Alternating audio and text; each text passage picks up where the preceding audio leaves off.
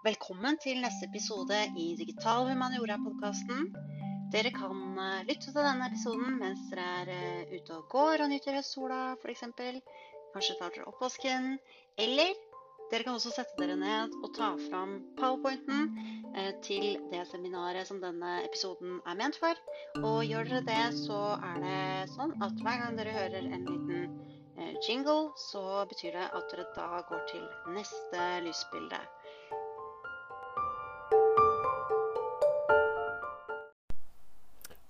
Ok, men i dag dere, så er det faktisk ikke noe powerpoint. Men det er litt forskjellig materiale som jeg annonserer mellom de forskjellige innslagene i uh, denne episoden.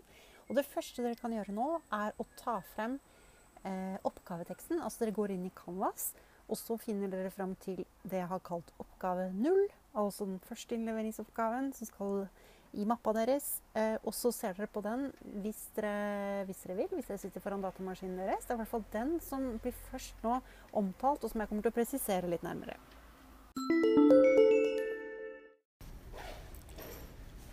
Ok, men eh, da starter vi. Og eh, da skal jeg prøve i dag å få til å, ja, at det både blir mulig å følge det her via Zoom. Det er noe som er med via Zoom eller følger det via Zoom. Og så skal jeg også ta opp noe, sånn at jeg kan lage en podkast sånn som jeg pleier. Så vi får se hvordan det går med de forskjellige nivåene. Men er i hvert fall veldig glad for å se dere som er her. Og som dere Og jeg er veldig glad for å ha med dere andre òg, altså. Dere som er via Zoom eventuelt. Og eh, som dere har eh, sett av kunngjøringen i dag, så har vi fått eh, besøk fra Nasjonalbiblioteket av selveste Lars Johnsen. Gi han en stor applaus, da. ja. Eh, det er veldig veldig fint at vi har fått eh, han hit. Han har vært eh, min biveileder når jeg holdt på med doktorgradsprosjektet mitt. Og han er også Ja, han har bistått oss på vårt forskningsprosjekt hvor vi har nettopp holdt på med Bokhylla og forske på Bokhylla-samlinga. Og Lars er jo egentlig Bokhylla, nærmest. Eller han i hvert fall vedlikeholder og eh, opprettholder og, eh, ja, eh, og, er ansvarlig for mye. Eh, og har programmert også bl.a. det konkordansverktøyet som dere eh, skal holde på med nå i forbindelse med første oppgaven. Jeg har tenkt å si litt om oppgaven først. og så gir vi ordet til Lars. og han skal snakke om eh, bl.a. N-gram og konkordanser, som jo begge, begge deler er noe som Eh, går inn under den første av de fire oppgavene til mappa deres. Ja. Um, og så uh, har vi også da også satt av tid til at dere kan få begynne å, å, jobbe med oppgaven. For da kan dere også stille oss spørsmål. Og så kan det være at noen har uh, hatt noen utfordringer med installeringen. Og det er ikke noe rart, for det er litt kronglete å komme i gang med. Og så når man kommer over de første kneikene, så merker man at Jupiter Notebook er er gull. Det er veldig mye man kan gjøre med det. Så det er veldig bra. Men det er helt normalt at det er litt problemer innledningsvis, så det skal vi, det skal vi, finne, det skal vi fikse. Uh, men uh, oppgaven, jeg tenker det er viktig å si litt om den. Det er også siste gangen jeg er her med dere. For at, uh, altså ikke siste gang totalt, men på noen uker. For nå er det i dag to uker til jeg skal disputere, og da blir jeg tatt av undervisning. Sånn at jeg bare kan sitte hjemme og grue meg. Nei. Sitte hjemme og forberede meg. Og de to neste gangene så får dere knu... Nei da får dere Rustad, Hans Christian Rustad, eh, som eh, foreleser. Samtidig som dere jobber med den oppgaven her som dere skal levere 25.9. Og eh, bare kort Dere ser NB-Ngram eller Google Books Ngram Viewer. Dere kan velge om dere vil bruke begge to eller en av dem. Det står dere fritt til, men bare at dere prøver dere ut med Ngram-analyser, Ngram-søk, og se hva, hva dere kan få ut av det og konkordanser, eller konkordansanalyser. Så er det en oppgave som ombefatter begge deler. Og det første, at dere velger dere et forskningsspørsmål eh, som ikke kan være voldsomt omfattende. ikke sant? Fordi dette er én av fire oppgaver. Dere har ikke så mye verken tid eller plass. Men likevel, dere velger dere et forskningsspørsmål som dere kommer fram til at dere kan undersøke nettopp ved hjelp av de verktøyene her. Og det kan vi snakke litt om etterpå hvis dere lurer, på litt eh, hvordan dere skal tenke når dere kommer til hva slags forskningsspørsmål dere skal velge. Eh, det kan jo være noe innenfor deres eh, fagfelt. Men det trenger ikke være det. Kan også nå tenke at dere får muligheten til å undersøke et eller annet annet som dere er interessert i. For det er særlig det metodiske som står i fokus her. Det er jo selvfølgelig gøy hvis man får morsomme, overraskende resultater. Men det aller viktigste er å reflektere rundt metoden, få til å bruke metoden og kunne eh, reflektere over muligheter og kanskje begrensninger ved metoden. Så først da, ja, så skal dere skrive enten en sammenhengende tekst, og det mener jeg bare at hvis dere velger å bruke verbaltekst som modalitet, altså skrive en vanlig liksom, akademisk tekst, så at ikke dere liksom bare har stikkord, men at dere skriver da en sammenhengende tekst. Men som sagt så har dere også muligheten til å tenke annerledes. Dere kan lage en videopresentasjon isteden. Dere kan gjøre lydopptak. Dere kan kombinere flere forskjellige eh, formater og tenke litt sånn utover den typiske akademiske sjangeren. Det er mulig å levere oppgaven på andre måter òg, eller løse det på andre måter. Ja, så Dere presenterer forskningsspørsmålet, og så forklarer dere hva eh, n-gramsøk er. Eh, og beskriver hvilke n-gramsøk eh, som du har foretatt i, i din oppgave. Eh, og litt om funn. Da velger dere hva dere syns er mest relevant å trekke ut. Og så Deretter forklare hva konkurranseanalyser er, og beskrive hvordan du har søkt etter konkurranser, og hva du har funnet når du har gjort det. Eh, og så blir det veldig interessant når dere får høre på at Lars sier litt også om hvordan disse verktøyene kan utfylle hverandre.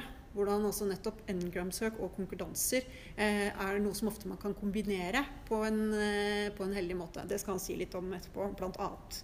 Og så at dere drøfter forskningsspørsmålet i lys av noen av de resultatene dere har fått. Um, ja. Og så oppsummerer dere med en kort refleksjon over metodene og uh, hva dere syns dere har observert. Hvordan er det å jobbe på denne måten framfor de måten dere kanskje har jobbet på i deres fag uh, før. Uh, og resten har dere sikkert lest. Det er mulig å, å, samarbeide. Veldig fint hvis dere har lyst til å gjøre det. det kan dere gjøre hvis dere vil. men at dere likevel leverer hver deres besvarelse. Men dere kan samarbeide om søkene hvis dere ønsker det. Er det noen som nå, på det nåværende eh, tidspunktet, har noen spørsmål til oppgaven?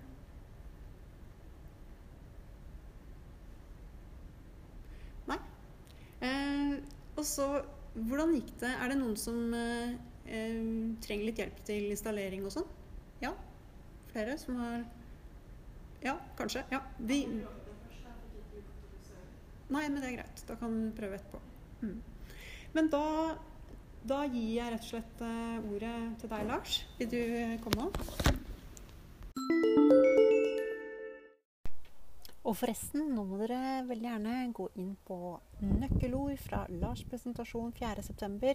En side som ligger lenket opp under dagens modul. Nøkkelord som dere har til å kunne Så at dere kan uh, Eh, søke opp etterpå. Men vi kan også ta dem litt underveis, for at, uh, heldigvis så har vi Google som kan hjelpe oss til å finne på alt. Så la meg gå til Der er vi. Så uh, det her er et tomt ark, og det er nøkkelordene som vi skal starte med. Men vi begynner med da, hvor er vi begynne, Før vi kommer til konkurranse og tekstanalyse, så har vi jo allerede liksom gjennom eh, skole og erfaring så har vi erfaring med tekster enten via papir eller på nettbrett eller ved telefon. Men hva er det egentlig som foregår? Hva er det som gjør at de tingene der henger sammen? Og at i hele tatt det står Hvordan kommer den enden opp på den skjermen der til syvende og sist? Hva er det som foregår? Så den grunnleggende biten, da, den infrastrukturen som vi jobber mot, som alle datamaskinene er kobla sammen i, enten du ser på Netflix eller du ser på YouTube, hva er det som skjer da? Hva du gjør. Sånn at du klikker på et eller annet på skjermen, og så får du noe opp. Så f.eks. hvis vi går til ja, vi kan gå til min YouTube-kanal. Jeg tror den skal være trygg å gå til. Det er alltid et visst problem selvfølgelig når man går til Vi kan se hva jeg har fått Så Hvis jeg skriver YouTube i nettleseren, da, så skjer det masse ting. Så hva som skjer fra jeg har skrevet YouTube til jeg får opp bare det som står der. Så det er ikke noe vi tenker så veldig mye på. Men den grunnleggende infrastrukturen for den her, det er infrastrukturen for nett, nettet. Dvs. Si at det består av mange maskiner som er kobla sammen. Og de er kobla sammen på den måten med ledninger eller via elektromagnetisk trådløst, som gjør at de kan kommunisere. Og hvordan kommuniserer maskinene med hverandre? Hva er det grunnleggende signalet som går mellom to maskiner?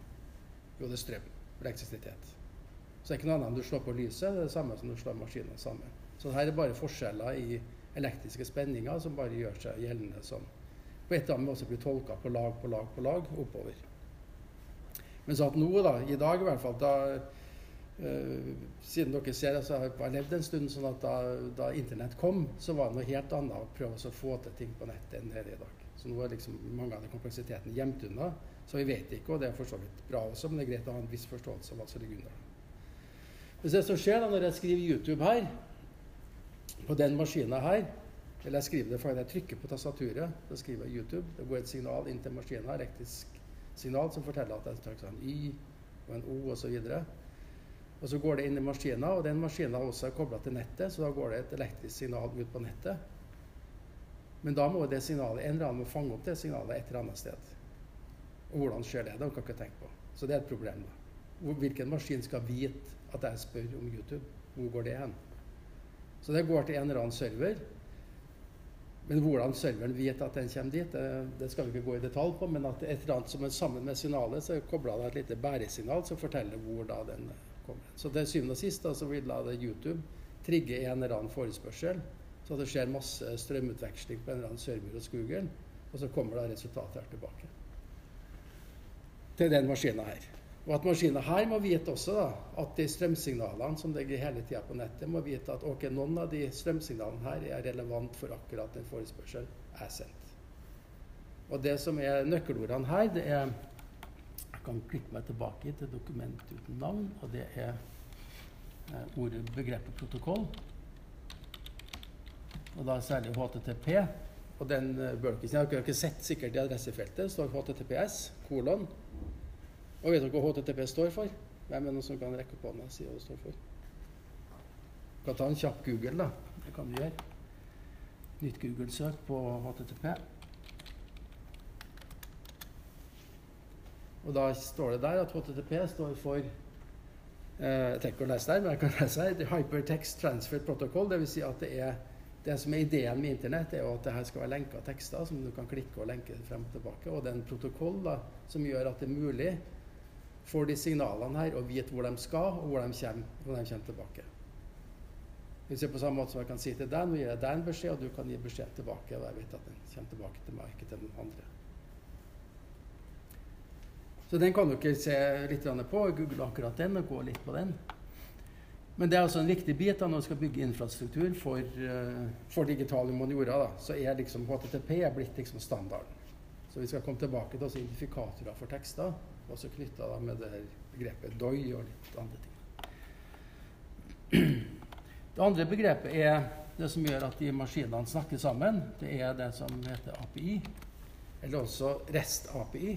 Så API det står da for Application Programming Interface. Og det er ofte man får mange spørsmål om i forbindelse med de Anaconda og hva er det som skjer når du spør om en konkurranse f.eks. på din maskin. Så er det den samme tingen. Du sender forespørsel ut på nettet. Si, og den havner da til syvende og sist til en datamaskin i Mo i Rana.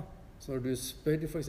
om et ord, da, det eksempelet skal bruke, som dere har sett, likestilling skal også se nærmere på det, så vil da det ordet gå til den serveren på Mo i Rana, så begynner en disk å spinne, og så leter den frem et eller annet derfra, og så sendes det et signal tilbake til din maskin, og så får du en konkordans eller en engram eller et eller annet. Avhengig av hvor det, hvordan du strukturerer de, den gangen. Informasjonsflyten.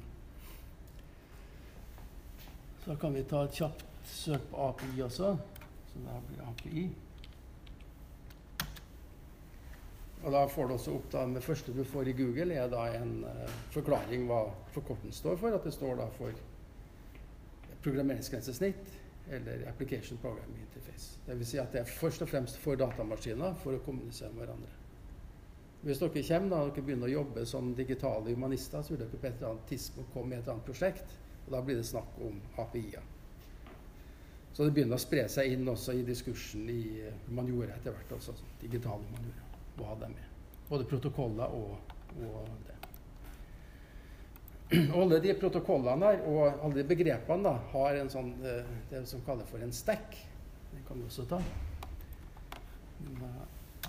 Begrepet stack tegner dere også. Vi kan ta den. Og da har dere den så tar den eh, Den er ikke testa, men jeg regner med det skal gå bra her også. Stack. Det er Stack Overflow, ja. Uh, men en stakk som kan bruke den her på den, eh, den, Ja, det er den som sto der, faktisk. Den stakktingen her. Så det er den fin figur. Ser øverst til høyre der. Og det er den lagvise biten, da. Så når jeg sier at Hvis du tenker på stakken da, for la oss si en, til å sende beskjed over nettet, det består av et laveste nivå. Det er strømmen som går ut mellom strømsignaler. Når de skal tolkes, kobles over til nuller og enere, som dere har snakka om. Og de nullene og enerne skal også struktureres i ord, dvs. Si sekvenser av nuller og enere. Dvs. Si at når det kommer strøm av 1 og 0, så vet du at de kommer i grupper på 8, 16 til 32. Så det er en gruppering. Og så grupperes de igjen til å tolkes til symboler og tegn osv. Så, videre.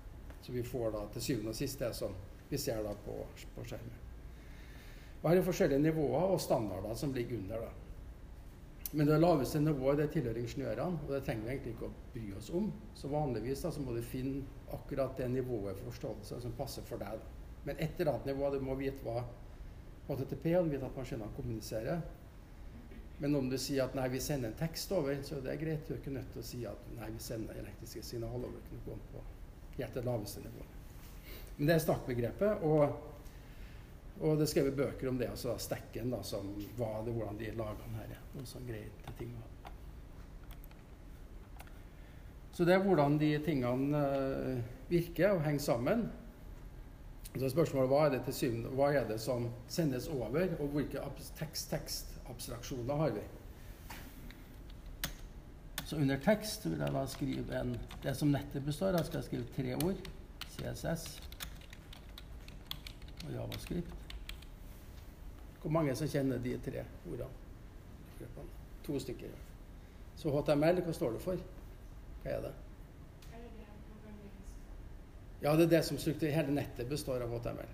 Så HTML er den eh, Det står for hypertext, markup language. Så det er markup language, Dvs. Si at det er et eh, merkespråk for å merke tekst, først og fremst. Og nettet, en side her, f.eks., den består av HTML, CSS og Javascript. Og Det, det, det er de tre grunnleggende bitene som nettet er. I tillegg til HTTP-protokollen så er da det her de tre bitene som går. CSS ble oppfunnet ikke i bygget her, tror jeg, men i bygget ved siden av på 90-tallet.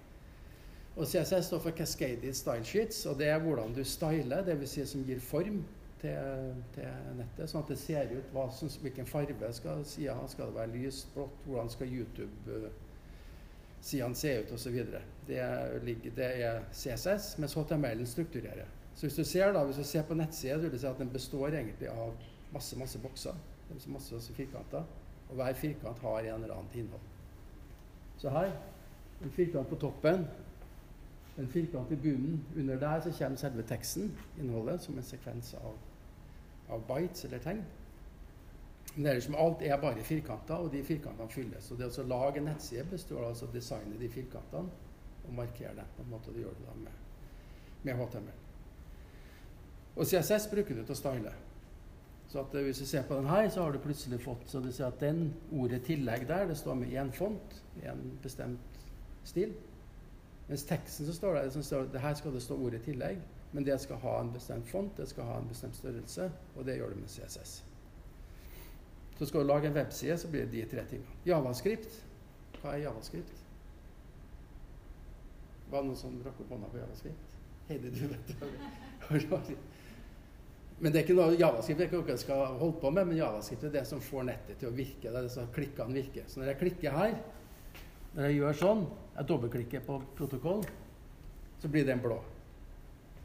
For alle dager, Hvorfor blir den blå når jeg dobbeltklikker der? Og hva er dobbeltklikk? Hva er det som skjer når jeg dobbeltklikker og den blir blå? Så da går det bare et signal til at jeg har klikka to ganger på musa. Og at uh, maskinen da vet at, eller nettleseren har registrert, får, vet at jeg, at jeg har gjort den, uh, den, handlingen.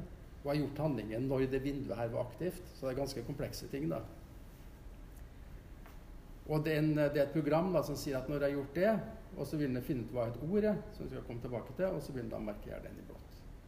Så går det da et signal tilbake om den i. Men det er også mange nivåer her òg. F.eks. hva er en dobbeltklikk? Så Jeg skal ikke mase altfor mye med det, men du kan tenke deg hvis du skulle vært programmerer da, og si, finne ut hva, hva, hva betyr det f.eks. at en bruker at det har vært en dobbeltklikk på skjermen. At jeg har faktisk gjort en dobbeltklikk og ikke klikka to ganger etter hverandre. Og det ene er selvfølgelig tida det tar. Hvor mange millisekunder tar det et dobbeltklikk? Så hvis jeg klikker her, så skal jeg klikke én gang, to ganger. Når jeg klikka to ganger på HTTP, så blir det ikke et blad. Så hvor fort må jeg klikke for at maskinen skal registrere som et overklikk? Og det er noe som jeg kan sette i, i nettleseren. Hvis jeg klikker 1-2, da kommer den. Så ca. Ja, hvor fort var det? Halvt sekund? Si 500 millisekunder rundt der. 300 millisekunder. Så hvis to klikk kommer etter hverandre innenfor 300 millisekunder, da kan det være et overklikk. Men hvis jeg flytter veldig mye på musa i mellomtida, så vil den ikke registreres. Hvis jeg flytter ned hit, så blir det ikke. Da vil den bare flytte den der, selv om jeg bruker 300 millisekunder. Så det vil si at både posisjon på musa og tid er det som går inn for å avgjøre om noe er et overklikk eller ikke. Så det skjer veldig mye da, som vi ikke tenker over. Vi bare jobber. Så til syvende alt det blir automatisert når vi jobber med det. Men at når du skal lage programmene som gjør det, så er det litt eh, komplekst. Men, okay, men det er da hvordan egentlig en sånn nettside fungerer. Og det med HTML, CSS og Javascript er også viktig når vi kommer til Notebook. For det er også et system som er integrert i den, uh, i den biten her. Det vil si hvordan nettet fungerer.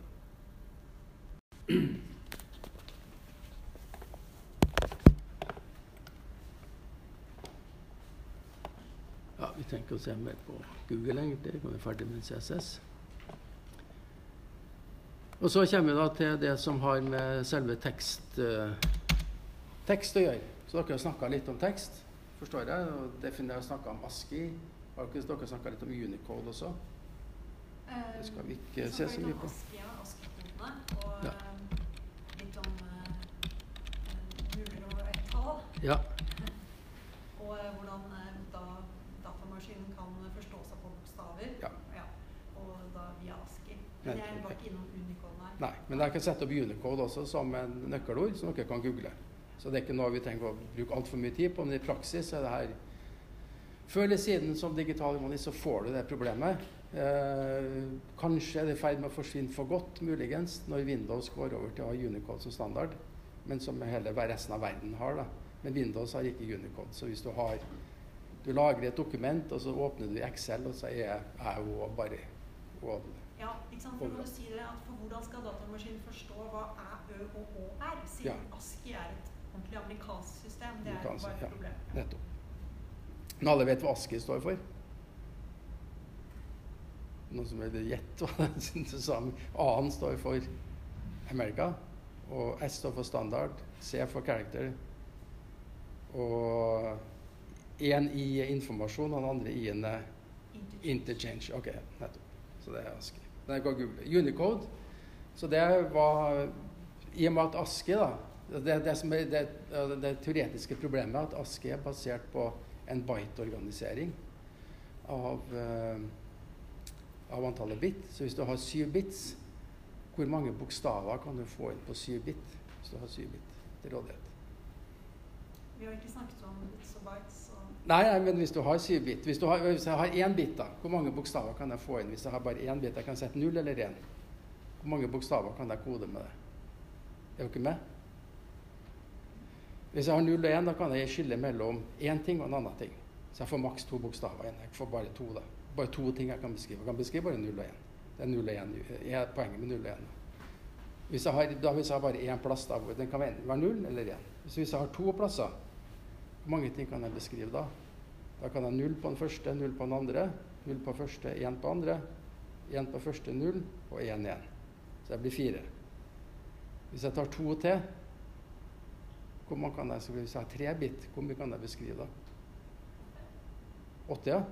Nettopp. Og hvis jeg tar enda en til Nei, du ganger med to hver gang, da. Så det blir 2, 4, 8, 16, 32, 64, 128. Så er det 128 på Hvor mange biter har kommet til nå? Syv? Så, 108, så det er 128 bokstaver maks du kan uh, kode inn i ASCII. Og på de 128 skal du ha alfabetet. Det vil si du skal ha de små bokstaver, store bokstaver. Og du skal ha parenteser, punktum, komma, alt det du skal trykke på tastaturet. da. Så det går tom veldig fort. Så du får ikke noe plass. Det er jo innafor de syv bitene. Og skal du ha stungen D, og så skal du ha aksent A, aksent franske tegn, tsjekkiske tegn, islandske tegn. Og så kommer kinesiske tegn, koreanske, japanske tegn. Så det det, det, det er ikke plass lenger på 7-bit. Så da er det Unicode kommer inn som en annen måte å kode akkurat bokstavene på. det. Men det er også noe dere kan se på i, men det er greit å ha en viss bevissthet om bare vite at okay, det her er et problem. Og grunnen til problemet er innenfor aske, så det er 7-bit, og det er ikke plass på 7-bit. Når du har det sånn. Pluss at i USA de holdt på med, så de så på alt som ikke var engelsk. Det var fremmed. The foreign language. Du finner veldig mye av de foreign characters. Det ser du i sånn amerikansk diskurs. da. Så jeg òg, det er sånn det fremmed. da. Det som er nært oss, det er fremmed for deg. Men det er jo greit nok. Sånn er det. Jeg kan bare ta en kjapp uh, her, så skal vi se til at vi skal få opp en ganske fin, fin plansje her også. Nå ser du opp til høyre hva det her er. Så det her er forkortelser da, som ligger høyt opp i uh, systemet, så Google har allerede ferdige oppslag til Wikipedia på, på den. Skal vi prøve å ta sjansen på å klikke på den? Nei, vi dropper det. Det er jo greit å sitte med i ro og fred. Og på et eller annet tidspunkt så vil du få problemer, og da vil du sette pris på at uh, de her tingene finnes. Men vanligvis så vil stort sett så vil du ikke møte de problemene i de programmene vi har, så du kan jobbe fritt med jeg òg på forskjellige Eller også da aksenter på stort sett da, rundt omkring. Og det går veldig bra. Så ikke minst uh, HTML har, har systemer for den, så den er allerede Unicode-basert, sånn at det er sjelden noe problem innenfor nettlesere. Men den som skal lage nettside, må fortelle at det her er sånn og sånn, og da vil stort sett ting gå bra. Stort sett. Du kan lage ballade der.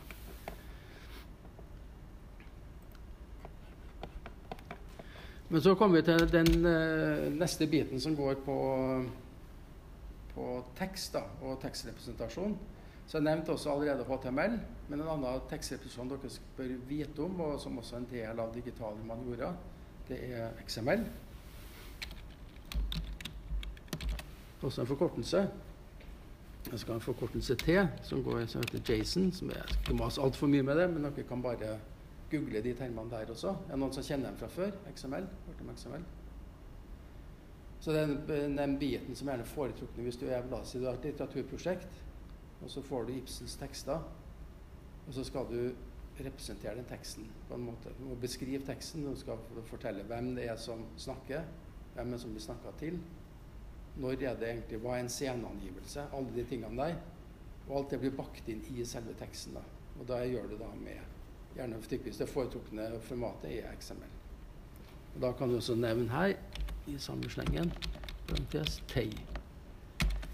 TI. Og den tror jeg også vil komme høyt opp på, på Google. Ja, der kommer Text Encoding Initiative. Og det er et initiativ starta på 90-tallet. En amerikaner engelskmann. Michael Sperber McQueen og Lou Bernard. Og det var rett og slett hvordan skal vi, når vi har tekster i humaniora, hvordan skal vi beskrive de tekstene, hva, hva består de av, og hvordan kan vi få datamaskiner til å prosessere de tekstene.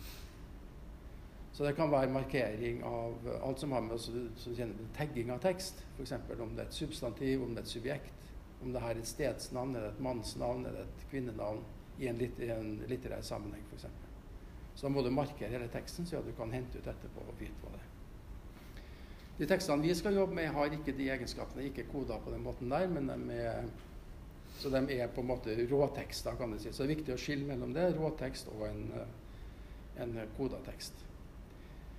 Så Heidi, du er på Ibsen-prosjektet, Ibsen, og Ibsen-prosjektet er basert på, på TEI. Da. Det hviler på TEI, rett og slett. Det er det som er hovedinfrastrukturen for Ibsen-prosjektet, hvor alle Ibsens stykker er koda i det formatet her. Så det var muligheten til å hente ut de stykkene i et sånt uh, XML-format. Men også greit å bare ha i bakhodet. Men det som er poenget her, da, det er at uh, når du har en tekst da, Så ja, hva er forholdet mellom HTML og XML? Det trenger vi ikke å komme inn på nå. Men i hvert fall så er det representasjon av tekster. Jeg vil si det En annen ting er også det med ja, Hvis du bare ser på den teksten vi har der, da. Hvis jeg spør, uh, hvis jeg spør dere hvor mange ord er det i den teksten her, så kan dere telle over og få 1, 2, 3, 4, 5, 6, 7, 8, 9, 10, 11, 12, 13 ord, vil jeg si. Med ordet nøkkelord. Noe sånt. I tillegg så er andre tegn. Det er noen parenteser her. Men den parentesen den hører ikke med i ordet tei, f.eks. Det står parentes, tei står det. Men vet maskinen at den parentesen ikke er et uh, Og hvordan i så fall vet den det. Og har også mulighet her til å klikke på verktøy. Så sier den antall ord. Skal vi se hvor mange ord den sier det. Den sier at det er 13 ord, ja. Den kommer til akkurat samme tallet som jeg gjorde. Og den sier at det er 71 tegn. Så hva betyr det? Det er 71 tegn. Det er det er unntatt mellomrom, da, så han teller ikke med mellomrom. Og mellomrom det vil eh, være noe som følger oss som en mare si, i, i humaniora. Da. For mellomrom er noe vi ikke ser, men maskiner den vil ikke se at noe er et mellomrom uten videre. Og det er veldig mange forskjellige mellomrom. Så det mellomrom det er, det er den tasten som er Det vil si det den mellomromstasten, det er den der. Men du har også tabulatortasten. Og det er også mellomrom, den returtasten. også mellomrom. Så nå har jeg jobbet tre forskjellige mellomromstegn. Og hver av dem har et ASCII-kode. Mellomrom er ASCII-kode, noe som kan ASCII-kode mellomrom. Der kan den, da, tilfeldigvis. Den 32. Så tallet 32, det er mellomrom. Og returtegnet det er enten 13, 11 eller 12. En av de tre. Litt forskjellig. Om det er på Mac eller på PC, er litt forskjellig. Vanligvis er det 13. da. Så mellomrommet er 32. Og så tab, den husker jeg ikke, men tab er også da en kode. Så for datamaskiner så jeg bare en sekvens av tall. Det vil si at når du skal analysere teksten, da, så må du parse teksten og forme den på en eller annen måte i en eller annen representasjon. Og der kommer vi inn mer i sånn, si, teorien rundt digital tekst. Hva er en digital tekst, og hvordan kan vi få den til å gjøre det vi skal? Når vi skal telle ord, vi skal lage en konkordans f.eks., så må jeg vite hva, hva, hvor et ord starter, når et ord slutter. Så hva er et ord? Og det er et annet nøkkelord. Der også. Det kommer inn med tekst, og det er ordet Nå sa jeg ikke hva Jason var, men tokenisering.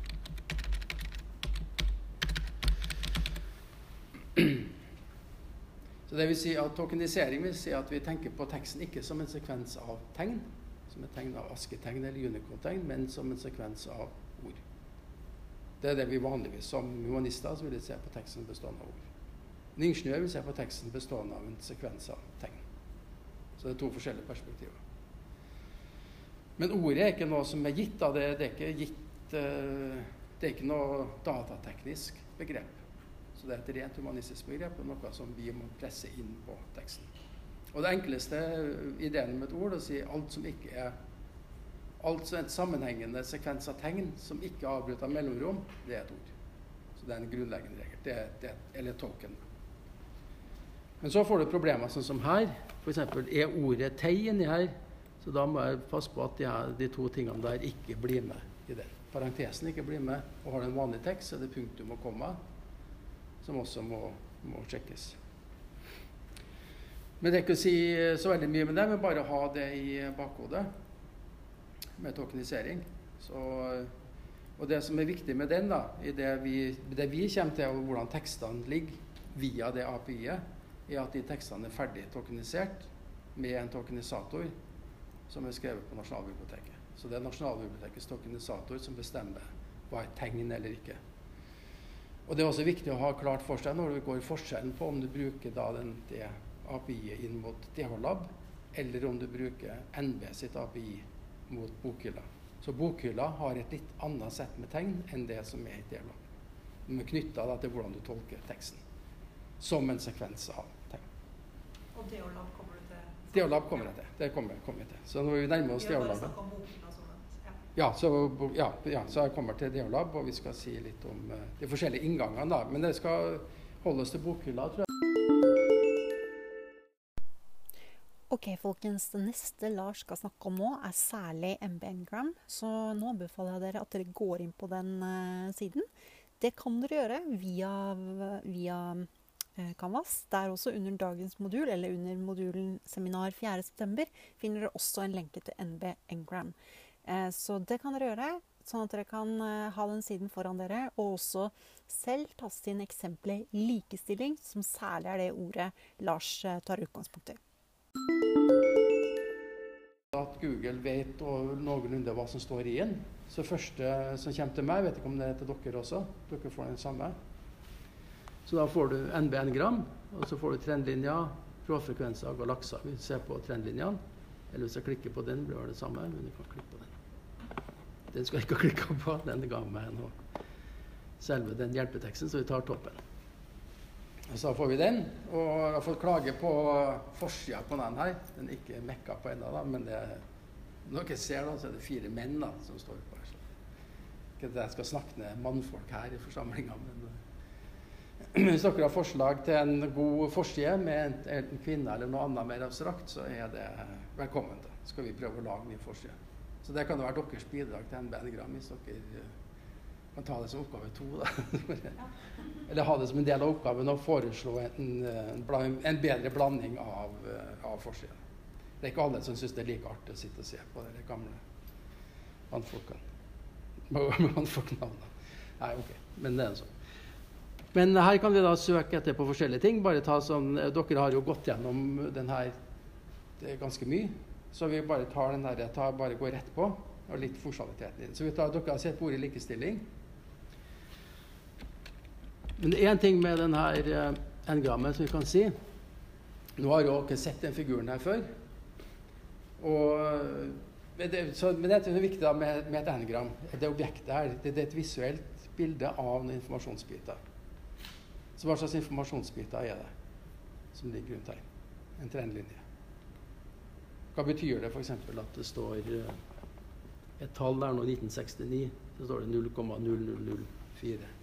Hva betyr det? som vil eh, frivillig svar. Hvor mange ganger det ordet ble omtalt i Ja. Sammenligna med resten av ordene på den tida. Så det er en prosent, da. Så det vil si at det er hvis du, tar, du kan gå her og be om absolutte. Så det er også viktig å vite hvor du er. Så si at du vil bøker. Vi kan også vise absolutt frekvens. Og den går opp på tuppet her. Det er fordi at rett og slett det er mer tekst på den tidspunktet. som vi ser på absolutt frekvenser. Og at det går ned, betyr ikke at det er, det er nedgang. Det betyr, uh, trenger ikke å bety det, men det kan være det. men det tenker å være det. Så det er også muligheten ved å klikke her og se både på absolutt og relativ frekvens. Men det som er viktig, da, er at den, det objektet der Hvis du er den første som skriver det ordet for det n-grammet, så er du også den første i verden som ser det objektet. Så objektet har ingen andre laga. I motsetning til når du søker på YouTube Netflix eller bokhylla. Bøker er det en eller annen som har skrevet. En eller annen hatt kjennskap til det objektet her før du har hatt kjennskap til det. Noen har tatt i det før deg. Men det her objektet det er helt nytt. og Det er, ikke, det er et objekt da, som blir konstruert der og da, og som er, er typisk for digitale eller DH-objektene. Det at de ikke er laga av noen andre. Det vil si de, de, de, eller i hvert fall de, de statistiske objektene er objekter av den typen. Så dette er et sånn type objekt.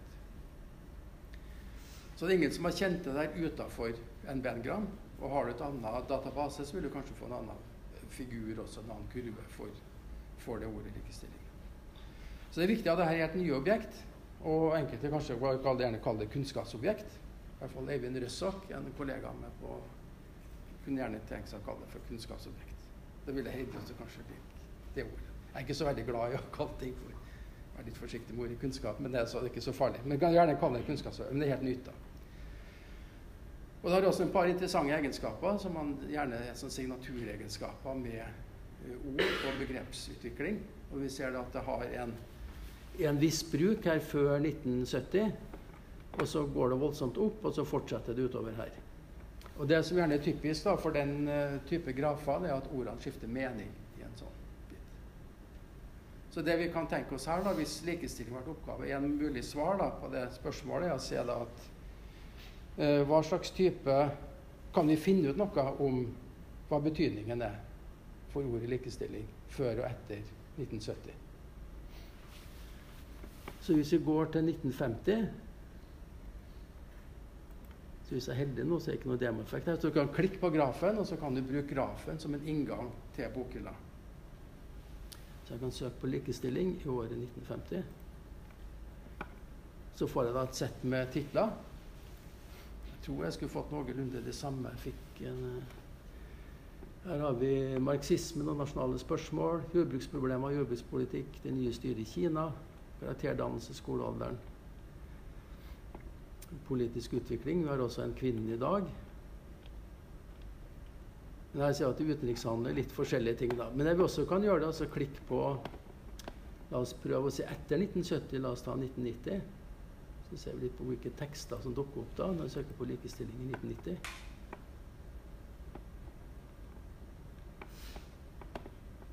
Og da får vi handlingsplan for likestilling i NAVF. Og, og ting er at det, Noen av de tekstene her ser dere en sånn øye med sånn strek over. og Det betyr at de ikke er tilgjengelige for lesning. Du kan ikke se dem på nettet. Men vi, de vil bli tilgjengelige f.eks. For, for analyse ellers. da. Ja, ja, du har noe feide eller noe sånt kanskje. Ja. Så de vil da være tilgjengelige.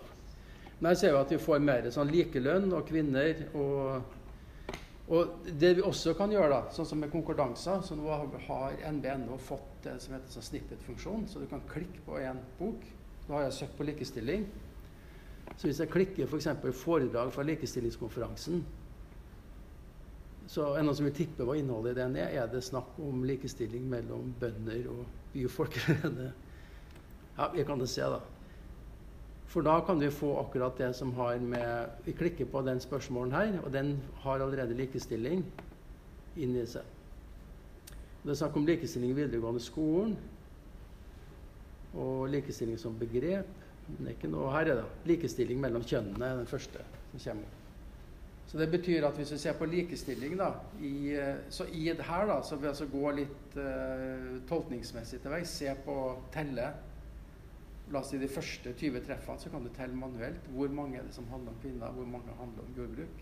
Så kan du gjøre det på 1950, 1990 eller større andre, andre årstider. Gå gjennom og undersøke på den måten der. Bare klikke deg gjennom. Og I løpet av en times tid så har vi skaffa et inntrykk av betydningen hva, hvilken kontekst av likestilling ble brukt i før 1970 og etter 1970. Og Så støtter hypotesen, da, som var førstegangsspørsmålet vårt, har likestilling endra betydning fra 1960 til 1990. Så ut ifra det vi har gjort her nå, kan vi si at ja, svaret på det er ja. Det er et eksempel på hvordan dere kan tenke, da. Hvordan dere kan løse oppgaven. For eksempel, ja. Så her har vi vært mitt forslag til å sende inn, da, så jeg skal karakter. ja. Men eh, så har det da også det, men det som er den angsten som er knyttet til den type undersøkelser sånn her, da, ja, har jeg fått med meg alt materiale? Er det noe som mangler? Er det sånne ting? da? Kan det komme med en og funnet noe annet materiale og gjøre noe? Men det må vi bare leve med. Så det er bare Du går på konferanse og du forteller et eller annet sånn som har funnet ut noe annet eller har noen andre ting. Men så, eh, sånt skjer. Den verste historien var en eh, som dere har snakka om, OCR-problematikk. Det er et nøkkelord jeg har glemt av. Vi må legge til det også her. til dokumentet. Så øh, vi kan ta en OCR her.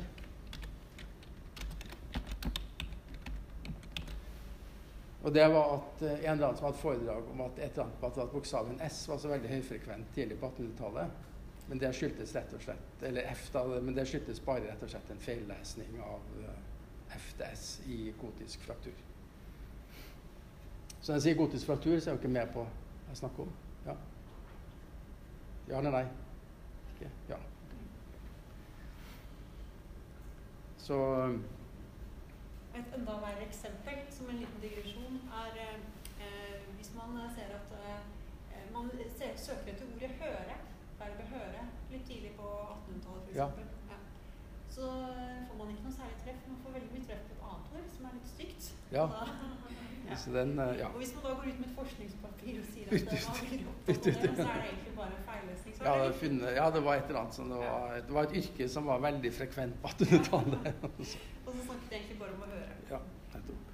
Ja, altså Man kan gå i den type feller som er, som er viktige. da. Men det er en annen type felle igjen. da. Men, men datakomplett og sånn. Men det er det fine da med bokhylla, det er at uh, det er ingen som kan finne noe norsk korpus som kan slå i hjel argumentene dine, for at bokhylla er komplett. Det er alt som er publisert på norsk i Norge, er i bokhylla.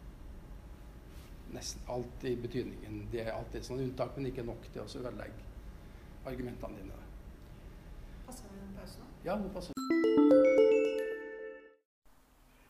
Ok, dere. Nå eh, tar vi en bitte liten pause. Nå kan dere få fordøye litt eh, det dere har hørt, og eh, da kommer det litt musikk.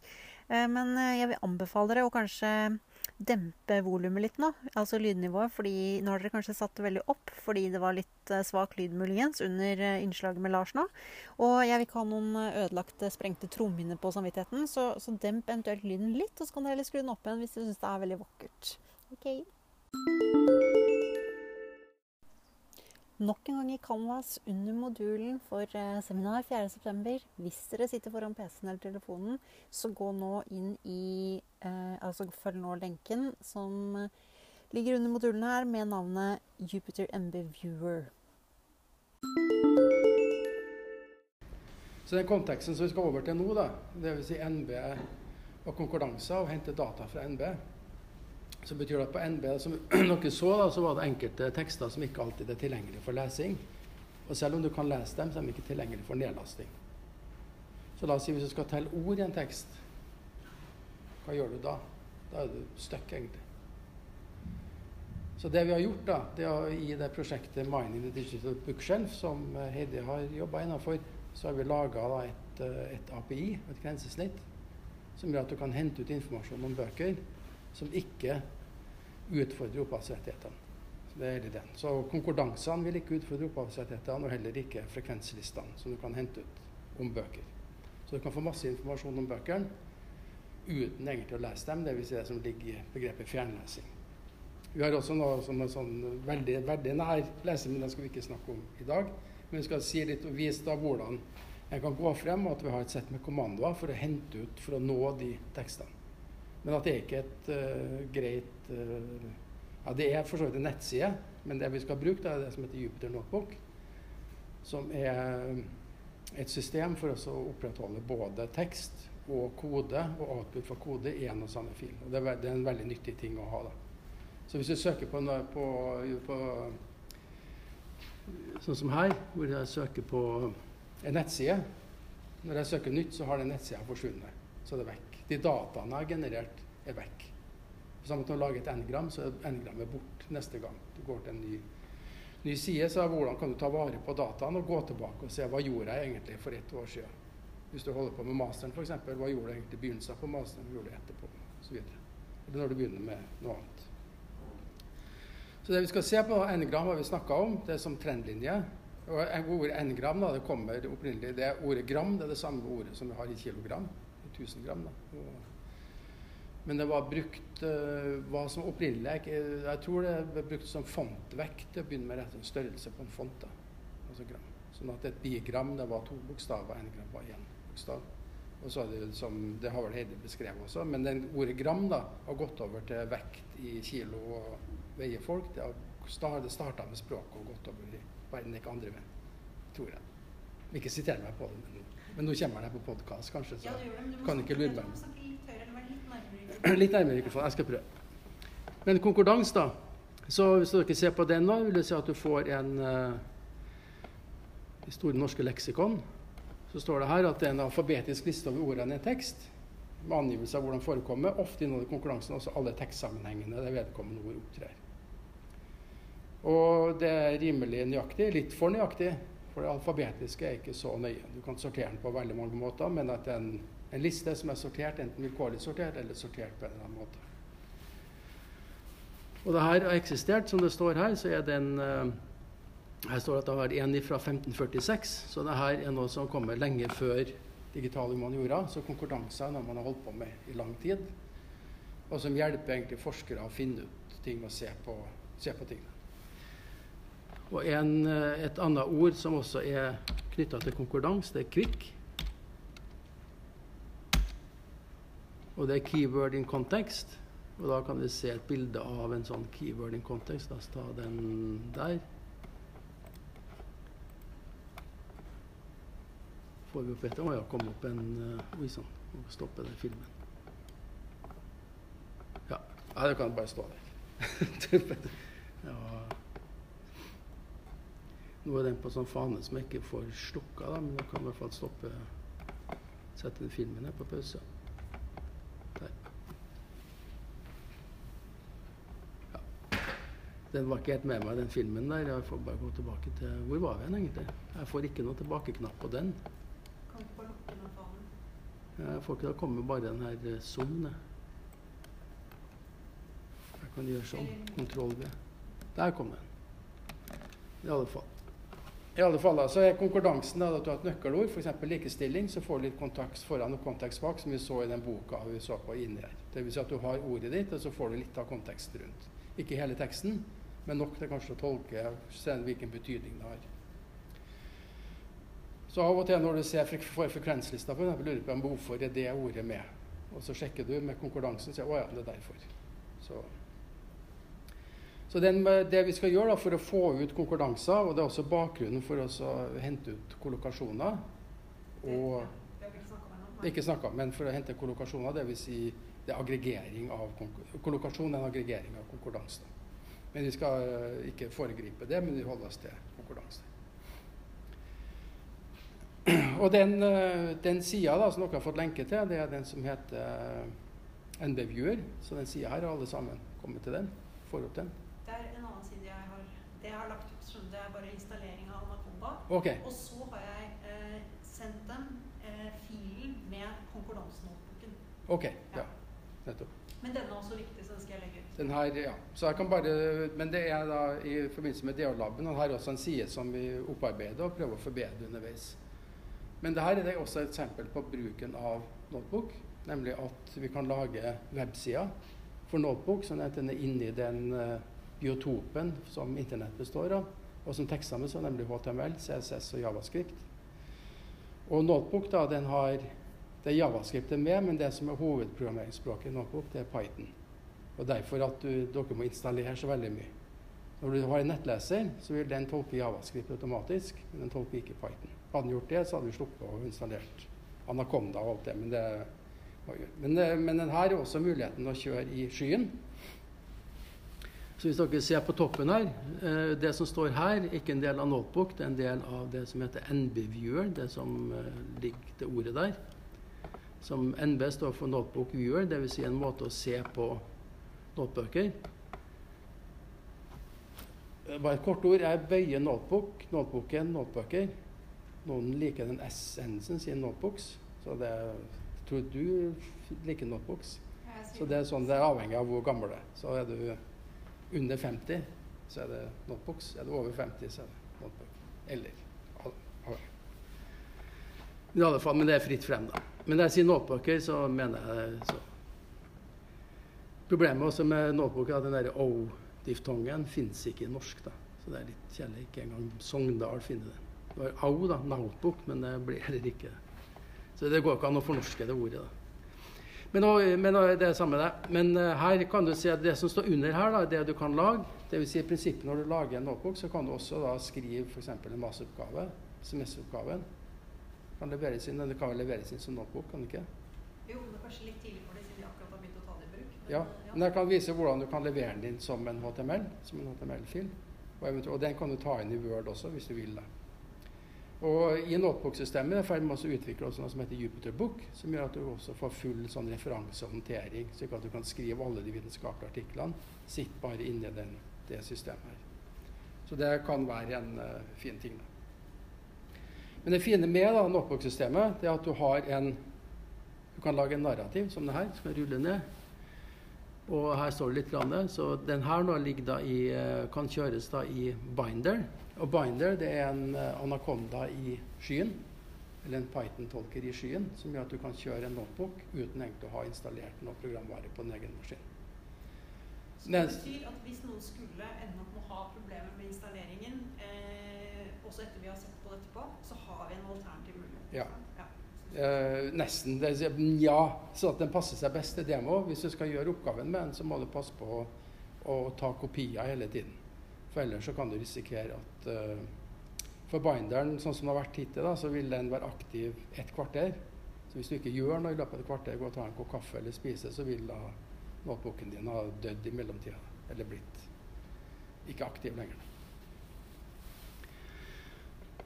Så det som er de eh, modulene her, da, som er for dere hvis dere har eh, fått installert Anaconda, følger instruksjonene for å installere den, og det har gått bra. Så det du skal skrive da i eh, Du kan kjøre den notebooken her. Du må ha installert DH-lab. Så DH-lab er da en Python-modul som er utvikla i det her systemet i Mining Digital Bookshelf.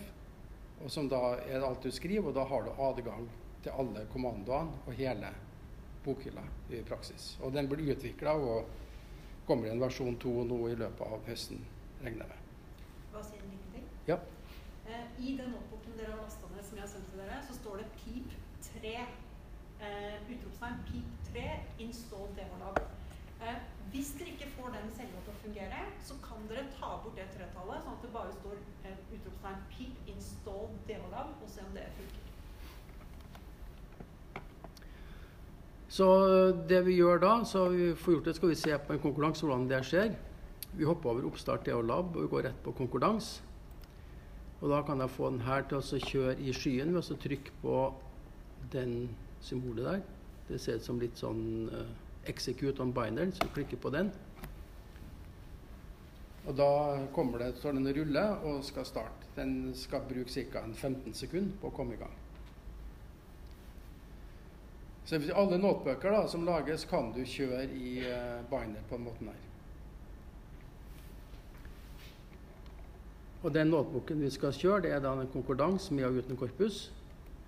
Så vi skal bygge eh, Vi skal bare se på eh, Så vi kan også istedenfor å ha den aktiv, så kunne vi også bare sett på den HTML-en. At det er som en statisk HTML-side, som en tekst, som du kan sende til noen.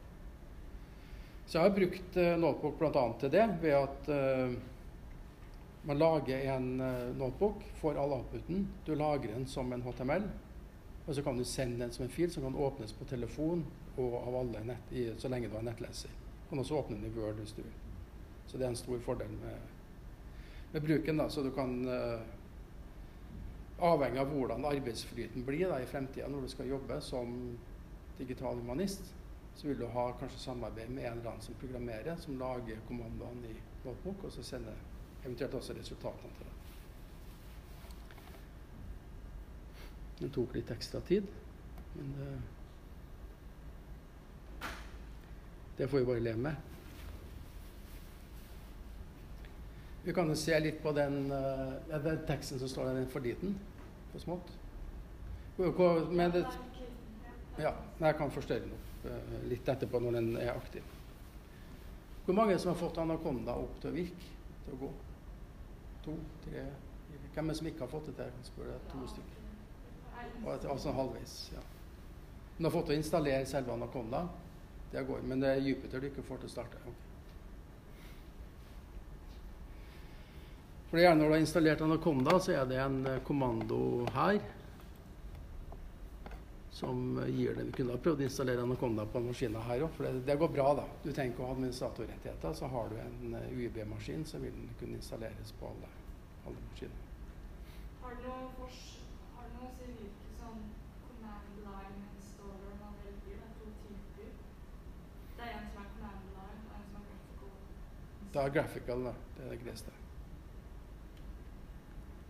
Da kan du bare klikke og sånn. Command line, det er, det er mer for programmerere. Så du kan si Anaconda da, som, eh, som plattform. Så den metaforen jeg bruker, da, at hvis du skal gå og kjøpe deg en sykkel eller en bil eller hva som helst, la oss skal kjøpe en bil, da, så går du igjen på Volkswagen og så ser du på utstillingslokalet, og så finner du bilen, og så tar du den med deg. Det er sånn som uh, Google virker, da. Men så skal du ha en bil som skal gå både som du- en digital humanist. da, Nei, jeg skal ikke ha den bilen, ha en bil som kan gå på vann og på fjell og utafor terrenget og på asfalt og nede i jorda. Sånne ting. da. Så har spesielle krav.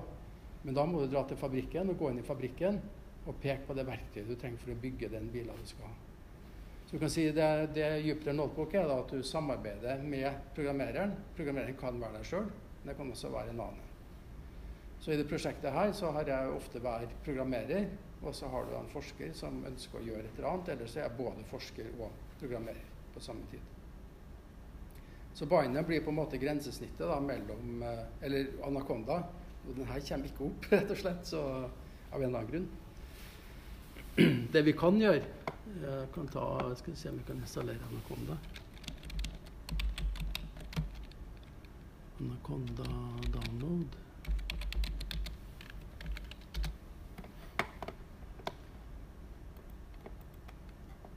Kanskje det er raskere.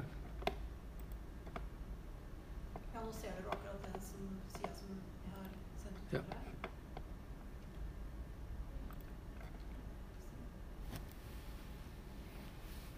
Skal vi se, den Binance står fremdeles og går, så kan den gå når den laster ned Mulig at det er tregt nett her, kan det være det? Ja, det kom opp noe på min nå. Det står sånn eh, at det ikke bare er installert kun for deg, eller forsøker Ja, kun for deg. det Kun, kun for det. Men det står at, at det ikke går fordi at Anaconda installeren tillater ikke at programvaren installeres her. At Anaconda ikke tillater det, eller er det Den skal ikke ha noe sånn krav til det, tror jeg.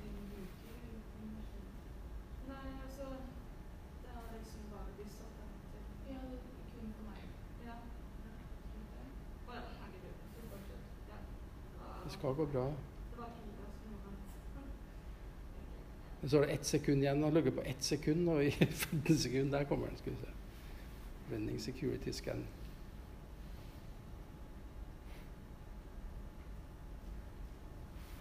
Da skal den komme opp, den der eh,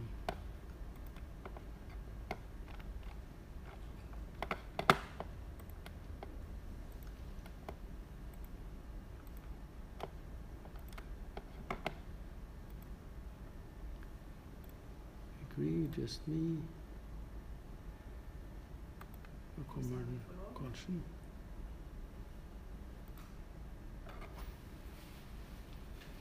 Så, hvis vi, så det blir en veldig fin demo hvis vi klarer å installere den og kjøre den direkte derfra. Så, Ja, kanskje vi skulle bruke den notebooken som jeg har sendt ut til dem, da. Ja, da, det kan du gjøre. Ja. da ser, ser de det i praksis. Skal vi se. Men jeg skal, skal se om den blir hengende der den nå. Også. Jeg kan sende den til eh, Hvis det ikke virker, så går jeg bare og kommenterer ut ifra den HTML-en. Så kan dere uh, jobbe med interaktivt. Mm, Så kan vi gå rundt og så hjelpe dere mens vi gjør det her. Ja. Nå går vi opp til den sida som vi var på. Å ja, her er Nei, det var den som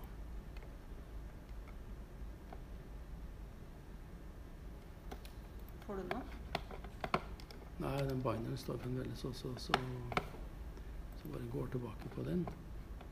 Så kan vi bare gå og se litt på den sida her, den HTML-en, hva den står. Jeg kan bare si litt om hva de komponentene i en eh, Så du starter prosjektet ditt, da, så vil eh, de komponentene som består av at du har forskjellige celler, og du kan legge inn kommentarer i de cellene. Så at en eh, notebook består av celler, og en celle er enten en kommentarcelle eller en kommandocelle. Dvs. en programcelle. Så er du programmerer, så er de ikke like glad i en notebook. Men eh, vi som jobber, vi som jobber liksom med grensesnittet mellom programmerere og brukere, jeg syns notebook er, er veldig bra. Og ikke minst også ved at det også fungerer som en logg. Alt det du gjør, alle søkene, alt du gjør, ligger der. Så at vi er på plass til neste gang. Men det som står her, da, er da eh, I prinsippet kan du si at i utgangspunktet trenger du ikke å bry deg om det som står der, men jeg skal kommentere litt hva det er. Og det er en kommandocelle, så den sier da import innhold av nbtekst as nb. Så det betyr at den, den importkommandoen betyr bare at gjør Python tilgjengelig, sånn at jeg kan nå alle nb-ressurser. Det det betyr. Og så er det noen andre importting der som vi ikke trenger å bry oss om. Og så er det også en DH-lab eh, update, og den uh, styler denne notebooken. Så vi ser at det er en kommando som heter CSS her.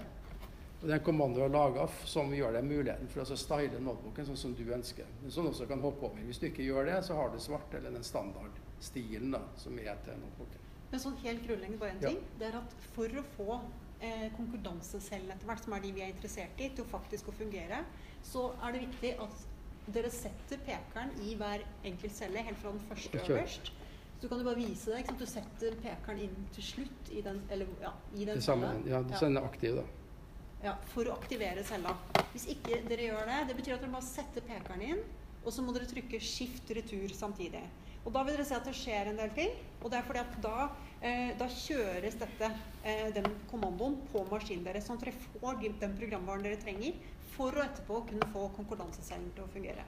Gjør dere ikke det, så vil dere få en feilmelding etterpå når dere prøver å, ta, å eh, aktivere konkurransecella, hvor det vil stå f.eks. at eh, finner ikke eh, NB eller finner ikke DH eller annet sånt, fordi da har den ikke fått med seg den informasjonen fordi ikke dere har kjørt cella på eget system.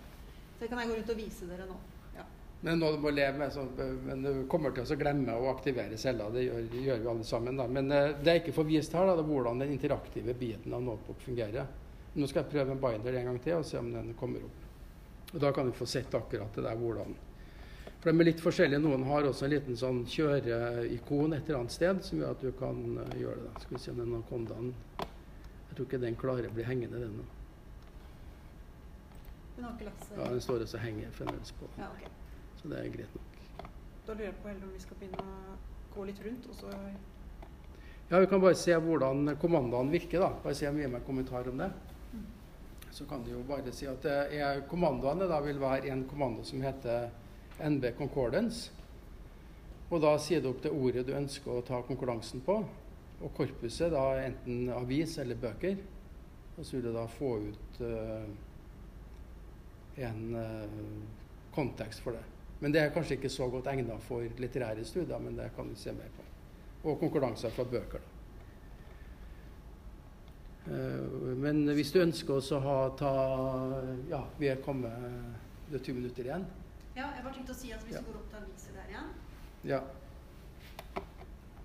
Hvis vi bare ser på, på den cella der igjen Altså, eh, mellom de to enkle eh, anførselstegna først står sjarken. Så det er da søkeordet som er der som eksempel. Og det kan dere fjerne for å søke på de ordet dere er interessert i. Bare pass på å beholde de enkle anførselstegna. Og så korpus, det er da satt til aviskorpuset, altså bokhyllas aviskorpus. Og så står det title, og så står det ser dere Stavanger. Det vil si at den kommer nok til å søke først og fremst i Stavanger Aftenblad, kanskje andre aviser også hvis de har Stavanger i navnet. Men det kan dere endre. Så da må dere også bare la det eh, prosenttegnet til slutt, som er et sånt jokertegn, stå. Men dere kan fjerne Stavanger og f.eks. sette i Aften hvis dere er interessert i Aftenposten. Eller la det bare stå åpent også hvis dere vil søke i alle aviser. Og så kan dere styre årstall til slutt. Bare pass på at alt annet blir stående. Men de parameterne der er nettopp de dere kan manipulere og forandre for å tilpasse søka sånn som dere ønsker. Og så til slutt, bak parentesen, så, så, så må dere bare trykke skift retur for å aktivere, sånn at faktisk det søkes etter det dere er interessert i. da. Det er en hashtag på Twitter. Skiftretur eller kontroll retur. Ja. Er det eh, det betyr bare alt som Det er Stavanger Aftenblad. Hvis du ikke husker helt, du husker starten på en avis, men ikke hele, så kan du skrive. Sånn som Du kan skrive-. Mm. Og det, er, det, det som kommer ut, da, det, er- det her er også klikkbar, så jeg kan klikke på den. Og få opp den avisa, så har du feide, så kan du også lese avisa og komme nærmere inn da, i kontekst for Hvis du trenger enda mer kontekst da, for den. uh... Og det samme hvis du tar konkordans fra bøker, så kan jeg da vindskipelighet, så kan jeg klikke på den, og dermed også komme til, til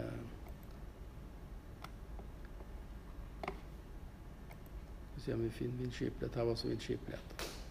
Da vil si at du får noenlunde den samme type ting som står der, som det står i den uh, Det var veldig spesielt søkeord å valgt. Ja.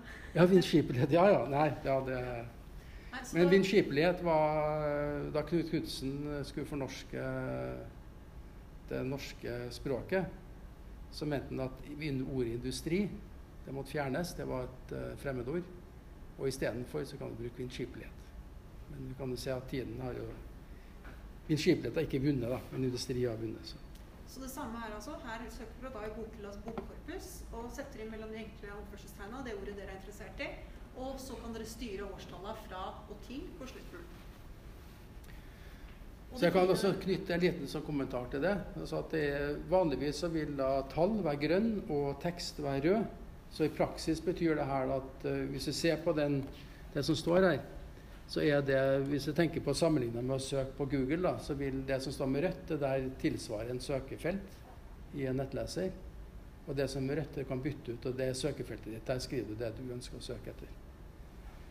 Men at det var flere parametere. Så du kan jo godt si at hadde det vært en webgrensesnitt, så ville det vært ett søkefelt for ordet, ett for korpuset, ett for ord for perioden. Og så har du også muligheten til å bygge korpus. Og du kan også søke undergrupper her, da, med, se på, hvis dere er interessert i Dewey, emneord, sånne ting. Og se på om det er noen forskjell f.eks. For i treffene, avhengig av hvordan du begrenser søket. Men i hoved... Det trenger dere egentlig ikke å bekymre dere over nå, men dere kan straks ja. utforske det. Men det holder i massevis for denne oppgaven at dere gjør enkle søk i avis- og bokkorpuset. Ja. Til oppgaven så skal vi bruke både n-gram og konkordanser. Ja. Er det på en måte poenget at vi skal gjøre det søk på det samme ordet på begge steder? Dere trenger ikke gjøre det, men det er jo interessant om dere kan uh, gjøre søk som har noe med, et, med det samme overordna forskningsspørsmål å gjøre. Ja, fordi det, konkordansene gir jo på en måte litt mer detaljert informasjon det er det de gjør. enn grammen. Mm. Hadde ikke du tenkt oss å si litt om nettopp hvordan de kan eh, samarbeide, disse to verktøyene?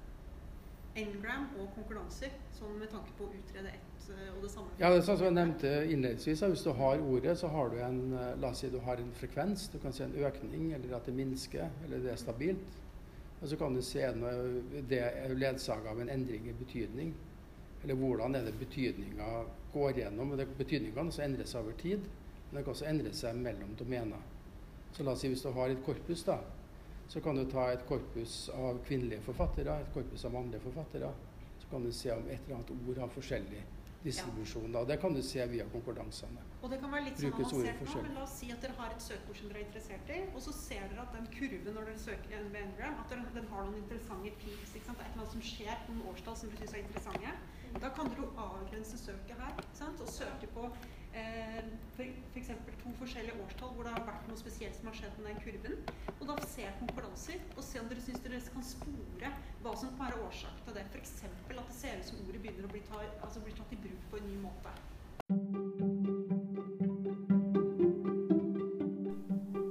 Ok, folkens. Nå lakker det mot uh, slutten på denne ukens uh, veldig lange episode. Men uh, jeg kommer også legge ut en liten video hvor jeg viser dere litt mer hvordan bruke Jupiter Notebook, og hvordan jobbe med konkurranser. Og sier også litt mer om hvordan dere kan tenke ut et forskningsspørsmål. Men nå gjenstår det bare å si ha det og god helg.